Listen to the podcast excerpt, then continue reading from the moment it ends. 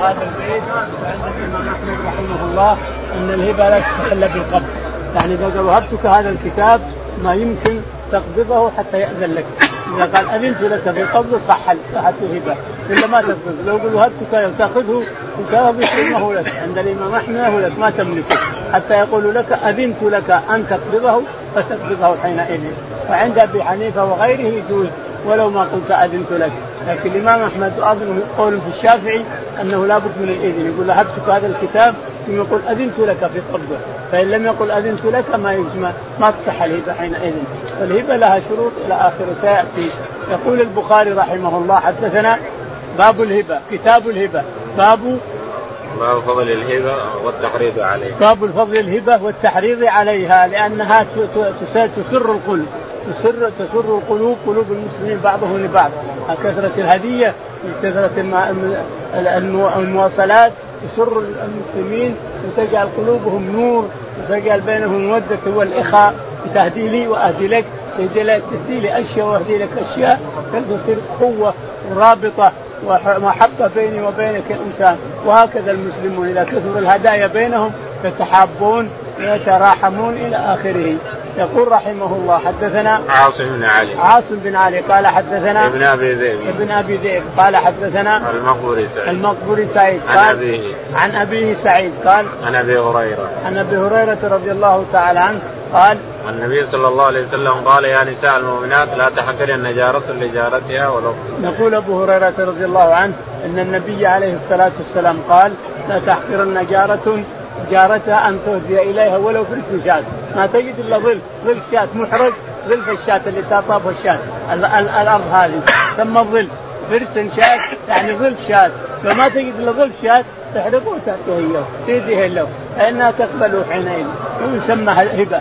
يسمى هبة حينئذ. ولك ولك ولها أجر على هذه الهدية. ولو فرس شاة. لاحظ. لو ما تجد إلا فرس شاة يعني احقر شيء. لو ما تجد إلا احقر شيء تعطي جارتها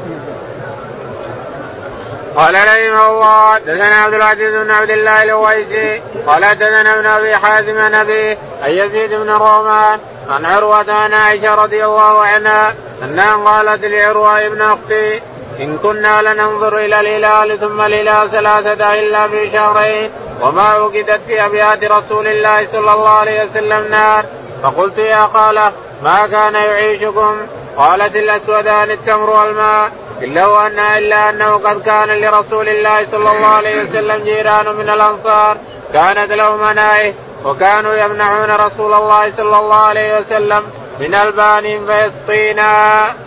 يقول البخاري رحمه الله حدثنا عبد العزيز بن عبد الله. عبد العزيز بن أبي أويس قال حدثنا ابن أبي حازم. ابن أبي حازم عن أبي. قال عن أبي عبد العزيز أيضا ابن أبي حازم عن أبيه أبو حازم الصغير قال عن يزيد بن رومان عن يزيد بن رومان. رومان قال عن عن عروة عن عائشة. عن عروة بن الزبير عن عائشة رضي الله تعالى عنها أنها قالت نعم ابن أختي أيوه نعم إن كنا لننظر إلى الهلال ثم الهلال ثلاثة إن كنا لننظر إلى الهلال ثم الهلال ثم الهلال وليس عندنا طعام.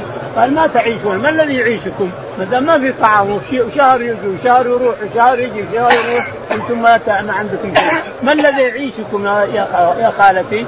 قالت يعيشنا الأسودان الماء والتمر، الأسودان الماء والتمر، إلا إنه هذا الترجمة، هذا شاهد الترجمة، إلا إن الصحابه الأنصار رضي الله عنهم عندهم منايح من الغنم فيحلبون ويفدون إلى الرسول عليه الصلاة والسلام. من البانها فنشرب من حليبها إذا أتت، يعني يفدون الرسول يهبونه وهذه الشاهد الترجمة أن الأنصار عندهم غنم ويمنحون الرسول عليه الصلاة والسلام من هذه الغنم يحلبون ألبان ويرسلونها إلى النبي عليه الصلاة والسلام.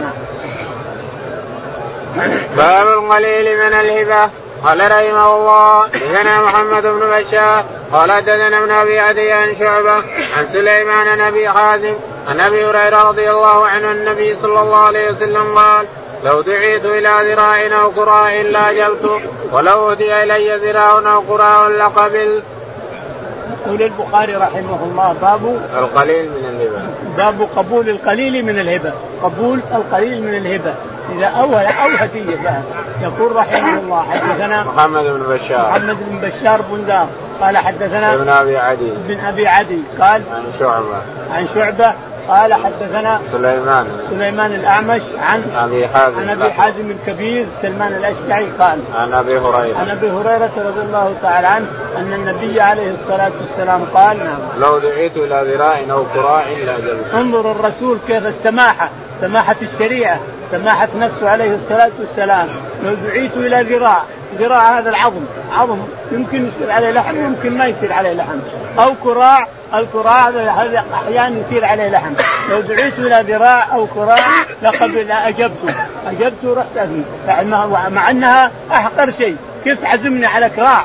كراع عظم تعزمني عليه ولا ذراع؟ ما يمكن أعزم عليه. لكن الرسول عليه الصلاة والسلام يقول يعني أنك إذا دعيت الإنسان على شيء ولو كان قليلا لازم تجيب أخاك المسلم. لو دعيت إلى كراع أو ذراع لا اجز ولو أهدي إلي كراع أو ذراع لقبلت. اهدى إليك ذراع عظم أو اهدى إليك كراع عظم قبلته يقول لو دعيت إلى هذا وهذا أجبت. ولو دعيت إلى هذا وهذا لقبلت. معنى هذا أن المسلم يجيب أخاه لأقل ولو الأقل شيء. ولو الأقل شيء. دعاك أجب دعوته وكرم وكرم دعوته وأجب دعوته وكل من عظمه. لو كان ما عنده إلا لكن يحبك دعاك على كراع أو ذراع أجب. باب من استوهب من أصحابه شيئا. وقال أبو سعيد رضي الله عنه قال النبي صلى الله عليه وسلم اضربوا لي معكم سهما. قال رحمه الله دثنا ابن أبي مريم قال حدثنا أبو غسان قال حدثنا أبو حازم سالم رضي الله عنه قال إن النبي صلى الله عليه وسلم أرسل إلى امرأة من المهاجرين وكان لها غلام نجار قال لها مري عبدك فليعمل لنا عواد منبر فأمرت عبدها فذهب فقطع من الطرفاء فصنع لها منبرا فلما قضاه أرسلت إلى النبي صلى الله عليه وسلم أنه قد قضاه قال أرسل لي به إلي فجاءوا به فاحتمله النبي صلى الله عليه وسلم فوضعه حيث ترون. يقول البخاري رحمه الله باب من استوهب من أصحابه من استوهب من أصحابه شيئا. يعني أنت يا الإنسان جاء أصحابك ومعهم حاجة كاسبينها أو أخذينها أو بيع وشراء. أعطوني أعطوني أعطوني يا جماعة جزاكم الله خير خلوني معكم. اضربوا لي سهم معكم إلى آخره. والشاهد أن الرسول عليه الصلاة والسلام أرسل سرية. قريب 40 نفر معهم أبو سعيد الخدري وغيره من الصحابة رضي الله عنهم. فاستضافوا عرب من العرب فرفض العرب أن يضيفوهم. رفضوا أن يضيفوهم. فتنحوا عنهم قليل ما أخذوا دليل أربع ساعات ربع ساعة أو أقل منها إلا لبغ سيدهم. أرسل ربنا تعالى وتقدس من جنود حشرة من الأرض حشرة من حشرات الأرض العقرب فلدغت أكبر واحد فيهم السيد فقعد يصيح صياحا يسمعوا حتى الصحابة يسمعونه يصيح يصيح. جابوا له كل دواء ما ما نفعكم جو إلى الصحابة رضي الله عنهم قالوا هل فيكم قارئ وفيكم أحد؟ قالوا نعم فينا قارئ لكن أنتم ما أضفتمونا لابد تعطونا جعل. تعطونا جعل على القراءة ولا ما نمسك قالوا نعم نعطيكم. واشترطوا بينهم أربعين طلي. يعطونا أربعين طلي ونقرأ على سيدكم ويبرأ إن شاء الله. فذهب أبو سعيد الخدري رضي الله تعالى عنه وقرأ على السيد يقول سبع مرات الفاتحة. يقول والله ما ما تعديت الفاتحة. سبع مرات وأنا أسفل عليه بالفاتحة حتى قام قال ما نشط بالعقاب ونام ونام الإنسان ترك الصيام. فأعطوهم ما جعلوا لهم أربعين طلي. لما وصلوا إلى مكانهم قالوا كيف نأكل؟ إحنا أو هذا شيء ما ندري. حلال ولا حرام؟ ذهبوا إلى الرسول عليه الصلاة والسلام فقالوا يا رسول الله فعلنا كذا وكذا. قال اضربوا معكم وما أدريك أن الفاتحة رقية أن القرآن كله رقية والفاتحة اعظم كل شيء فيها من الاسرار ما يشفي كل شيء. كل مرض في ابن آدم مرض قلب أو مرض بدن إلا يشفيها الله تعالى وتعالى فيها والفاتحة فيها سر عجيب لمن يؤمن بالله واليوم الآخر. فإذا نفست على أخيك الفاتحة ثلاث مرات أربع مرات لابد أن تتنفس ولو هو مكروه. الشاهد أن الرسول عليه الصلاة والسلام قال اقسموها واضربوا لي معكم سهم هذا شاهد الترجمة ومن جعل من طلب من أصحابه يضربه سهم فضربوا له عليه الصلاة والسلام سهمهم أربعين نفر وأربعين طلي صار لهم على طليين طليين أو أكثر نعم. قال حدثنا ابن أبي مريم. يقول البخاري رحمه الله حدثنا ابن أبي مريم اسمه سعيد. قال حدثنا أبو غسان. أبو غسان قال وهو غير أبو غسان المسمعي. محمد بن مطرف. أبو المطرف قال حدثنا أبو حازم. أبو حازم. قال عن سهل بن سعد. عن سهل بن سعد. أبو حازم الصغير هنا. عن سهل بن سعد الساعدي رضي الله تعالى عنه. نعم. النبي صلى الله عليه وسلم أرسل إلى امرأة من المهاجرين وكان لها غلام. أن النبي عليه الصلاة والسلام أرسل إلى امرأة من المهاجرين لها غلام مملوك نجار. يعني استوهبها أن يفعل أن يصنع لها. هذا مطابقة الترجمة أن الرسول عليه الصلاة والسلام استوهب من المرأة أن يصنع غلامها المملوك النجار يصنع له درج يصنع له حتى سلم علشان يطلع عليه يطلع عليه عليه الصلاة والسلام يخطب عليه. فقالت نعم. فقام غلامها وذهب إلى الطرفة. الطرفة تعرفونه مثل الأذن الأذن تنبت والطرفة إلا أن الطرفة أحسن خشب. الطرفة أحسن من الاث الخشب، الطرفة هي اللي يسقف فيها وتصلح عمود واقف عمود ويوقف فوق بعضها بعض وتسقف إلى آخره، الطرفة عمودها باذن الله إذا نشف مثل الحجار كأنه حجار، فصنع الغلام فسلم منبر على ثلاث درج، صنع الغلام منبر على ثلاث ادراج، يطلع درجة ثم درجة ثم درجة، الدرجة الوسطى هي اللي يجلس عليها عليه الصلاة والسلام. والثالثة يتكي على ظهره بظهره والأولى يضع رجليه عليه عليه الصلاة والسلام. فقالت يا رسول الله إن الدرج قضى قال ارسليه لي. فأرسلته له. هذا مطابقة الترجمة انه وهبته له. وهبت غلامها أن يفعل. ووهبت المنبر للرسول عليه الصلاة والسلام. فأخذه الرسول ويقول عروة أبو هريرة فوضعه الرسول في مكان اللي ترونه. يعني مكانه عند المنبر. ما أدري أين ذهب بعد ذلك. الله أعلم. حتى التاريخ ما ذكر شيء. التاريخ ما حد ذكر أن أين ذهب المنبر. إلا أن المنبر في الآخرة يكون هو منبره في الآخرة. صحيح. لكن أين ذهب الآن؟ الله أعلم. هل هو أخفي؟ هل هو كذا؟ الله أعلم. فالشاهد أن الرسول عليه الصلاة والسلام كان يخطب إلى شجرة ذو شجرة قائمة فتركه وصعد على المنبر إلى آخره. قال رحمه الله دثنا عبد العزيز بن عبد الله قال حدثنا محمد بن جعفر عن أبي حازم عن عبد الله بن أبي قتادة السلمي عن أبي رضي الله عنه قال كنت يوما جالسا مع رجال من أصحاب النبي صلى الله عليه وسلم في منزل في طريق مكة ورسول الله صلى الله عليه وسلم نازل أمامنا والقوم محرمون وأنا غير محرم.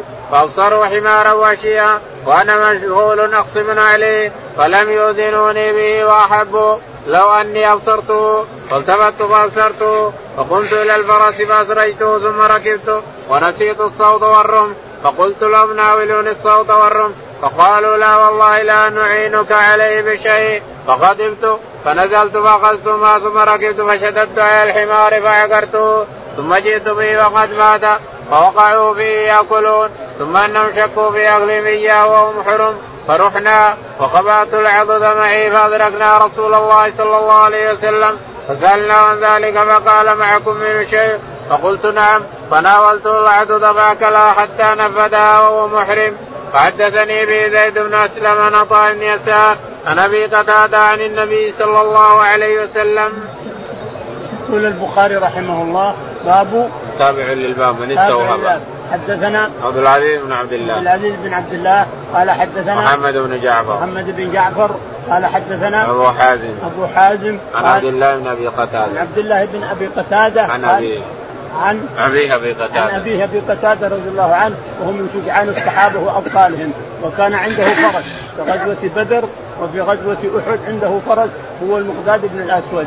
وكان فكان أبو قتادة رضي الله تعالى عنه يقول اننا خرجنا أرسله الرسول عليه الصلاة والسلام، الرسول أحرم من ذي الحليفة والصحابه رضي الله عنهم ومحرمون. وأبو قتادة وفرقة ما أرسلهم الرسول عليه الصلاة والسلام على طريق الساحل علشان أهل أهل مكة يمكن يرسلون قافلة أو يرسلون حاجة ياخذ ابو قتاده ومن معه، لكن ذهبوا ما وجدوا أحد، ما جاء أحد مع الساحل ولا أرسلت قريش أحد، فجاء أبو قتادة رضي الله عنه وجلس مع أصحابه غير محرم. وأصحابه محرمون.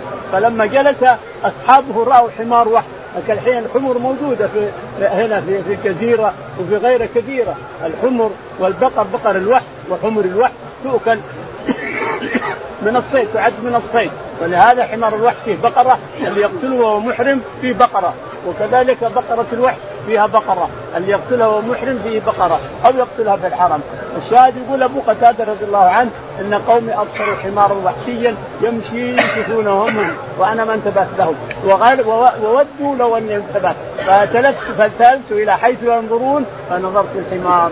يقول فقمت مسرعا واسرجت فرسي لكني نسيت الصوت اللي يضربه الفرس ونسيت الرمح اللي يقتل بها الحمار. ماذا أصنع؟ الحين ركبت أنا. أعطوني قالوا لا ما أنه لك. أعطوني الصوت أعطوني الرأس ما أنه لك. يقول نزلت غضبان عليهم زعلان عليهم. واخذت الصوت واخذت الرمح ثم أجريت الفرس حتى لحقت بالحمار فعقرته. يقول لما عقرت أتيته بهم. أتيته بهم لأنه خلاص ذبحته. ولما وصلت إليهم قد مات. الحمار قد مات خلاص فأخذوا به يأكلون يشوون يأكلون يقطعون منه يشوون وياكلون يقول فأخذت العضد بلحمها وخبأتها للرسول هذا الشاهد أنه أهدى للرسول العضد. شاهد الترجمة أنه أهدى للرسول عليه الصلاة والسلام بعدما شواه أهداه للرسول عليه الصلاة والسلام. فأكلوا الحمار القوم أكلوا الحمار كله. يقول فلم يبق منه إلا العضد خبأته للرسول عليه الصلاة والسلام. ولما وصلنا يقول الرسول قدامنا محرم وهو الصحابة رضي الله عنهم. يقول لما وصلت إليه أخبرناه بما صنعنا. قال لا بأس بذلك. هل أشار أحد منهم؟ قالوا لا. هل عانك لا. اذا أكلوه. هل معكم شيء؟ قلت نعم يا رسول الله. فاخذت العود واعطيته إياه وقد شويناه فأكله كله عليه الصلاة والسلام. هذا مطابقة الترجمة الهدية أن أبا قتادة اهدى للرسول العضو عضو حمار الوحش. نعم.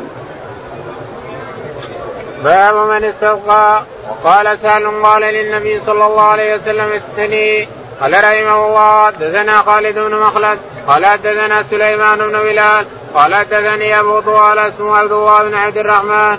قال سمعت أنس رضي الله عنه يقول أتانا رسول الله صلى الله عليه وسلم في دارنا هذه فاستسقى فحلبنا له شاة لنا.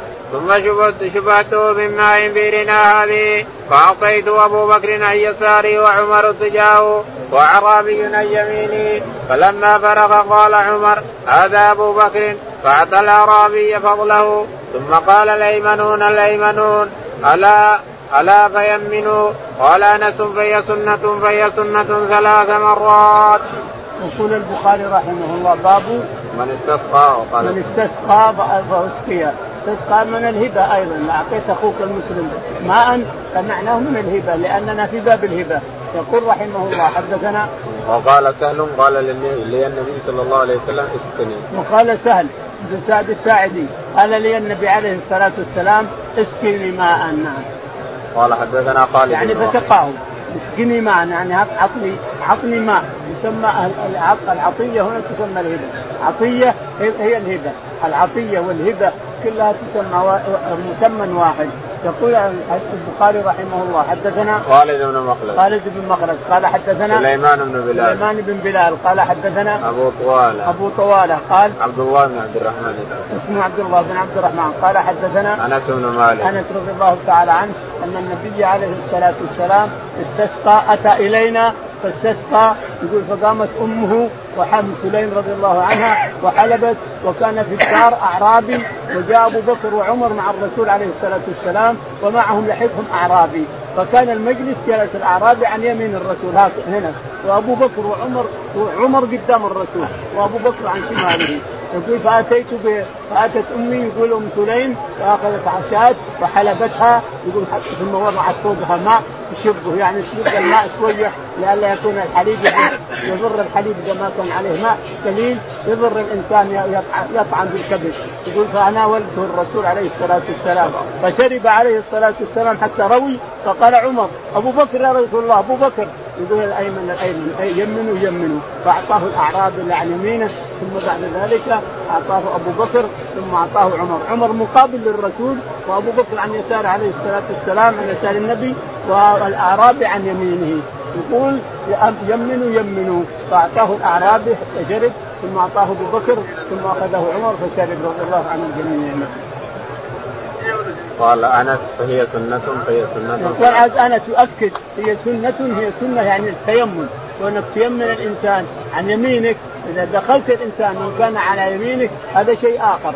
لكن إذا أردت أن تصب قهوة أو تصب شاهي للناس فتعطي هذا ثم تعطي اللي معي منه. لا تعطي اللي معي يسره أعط هذا مثلا. اللي جالس وأعطيته هو الأول.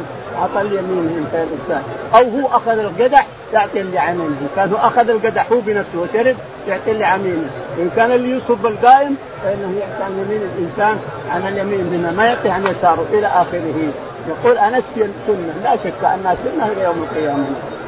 باب قبول الهديه اللهم اهدنا فيمن هديت وعافنا فيمن عافيت وتولنا فيمن توليت. اللهم توفنا مسلمين وألحقنا بالصالحين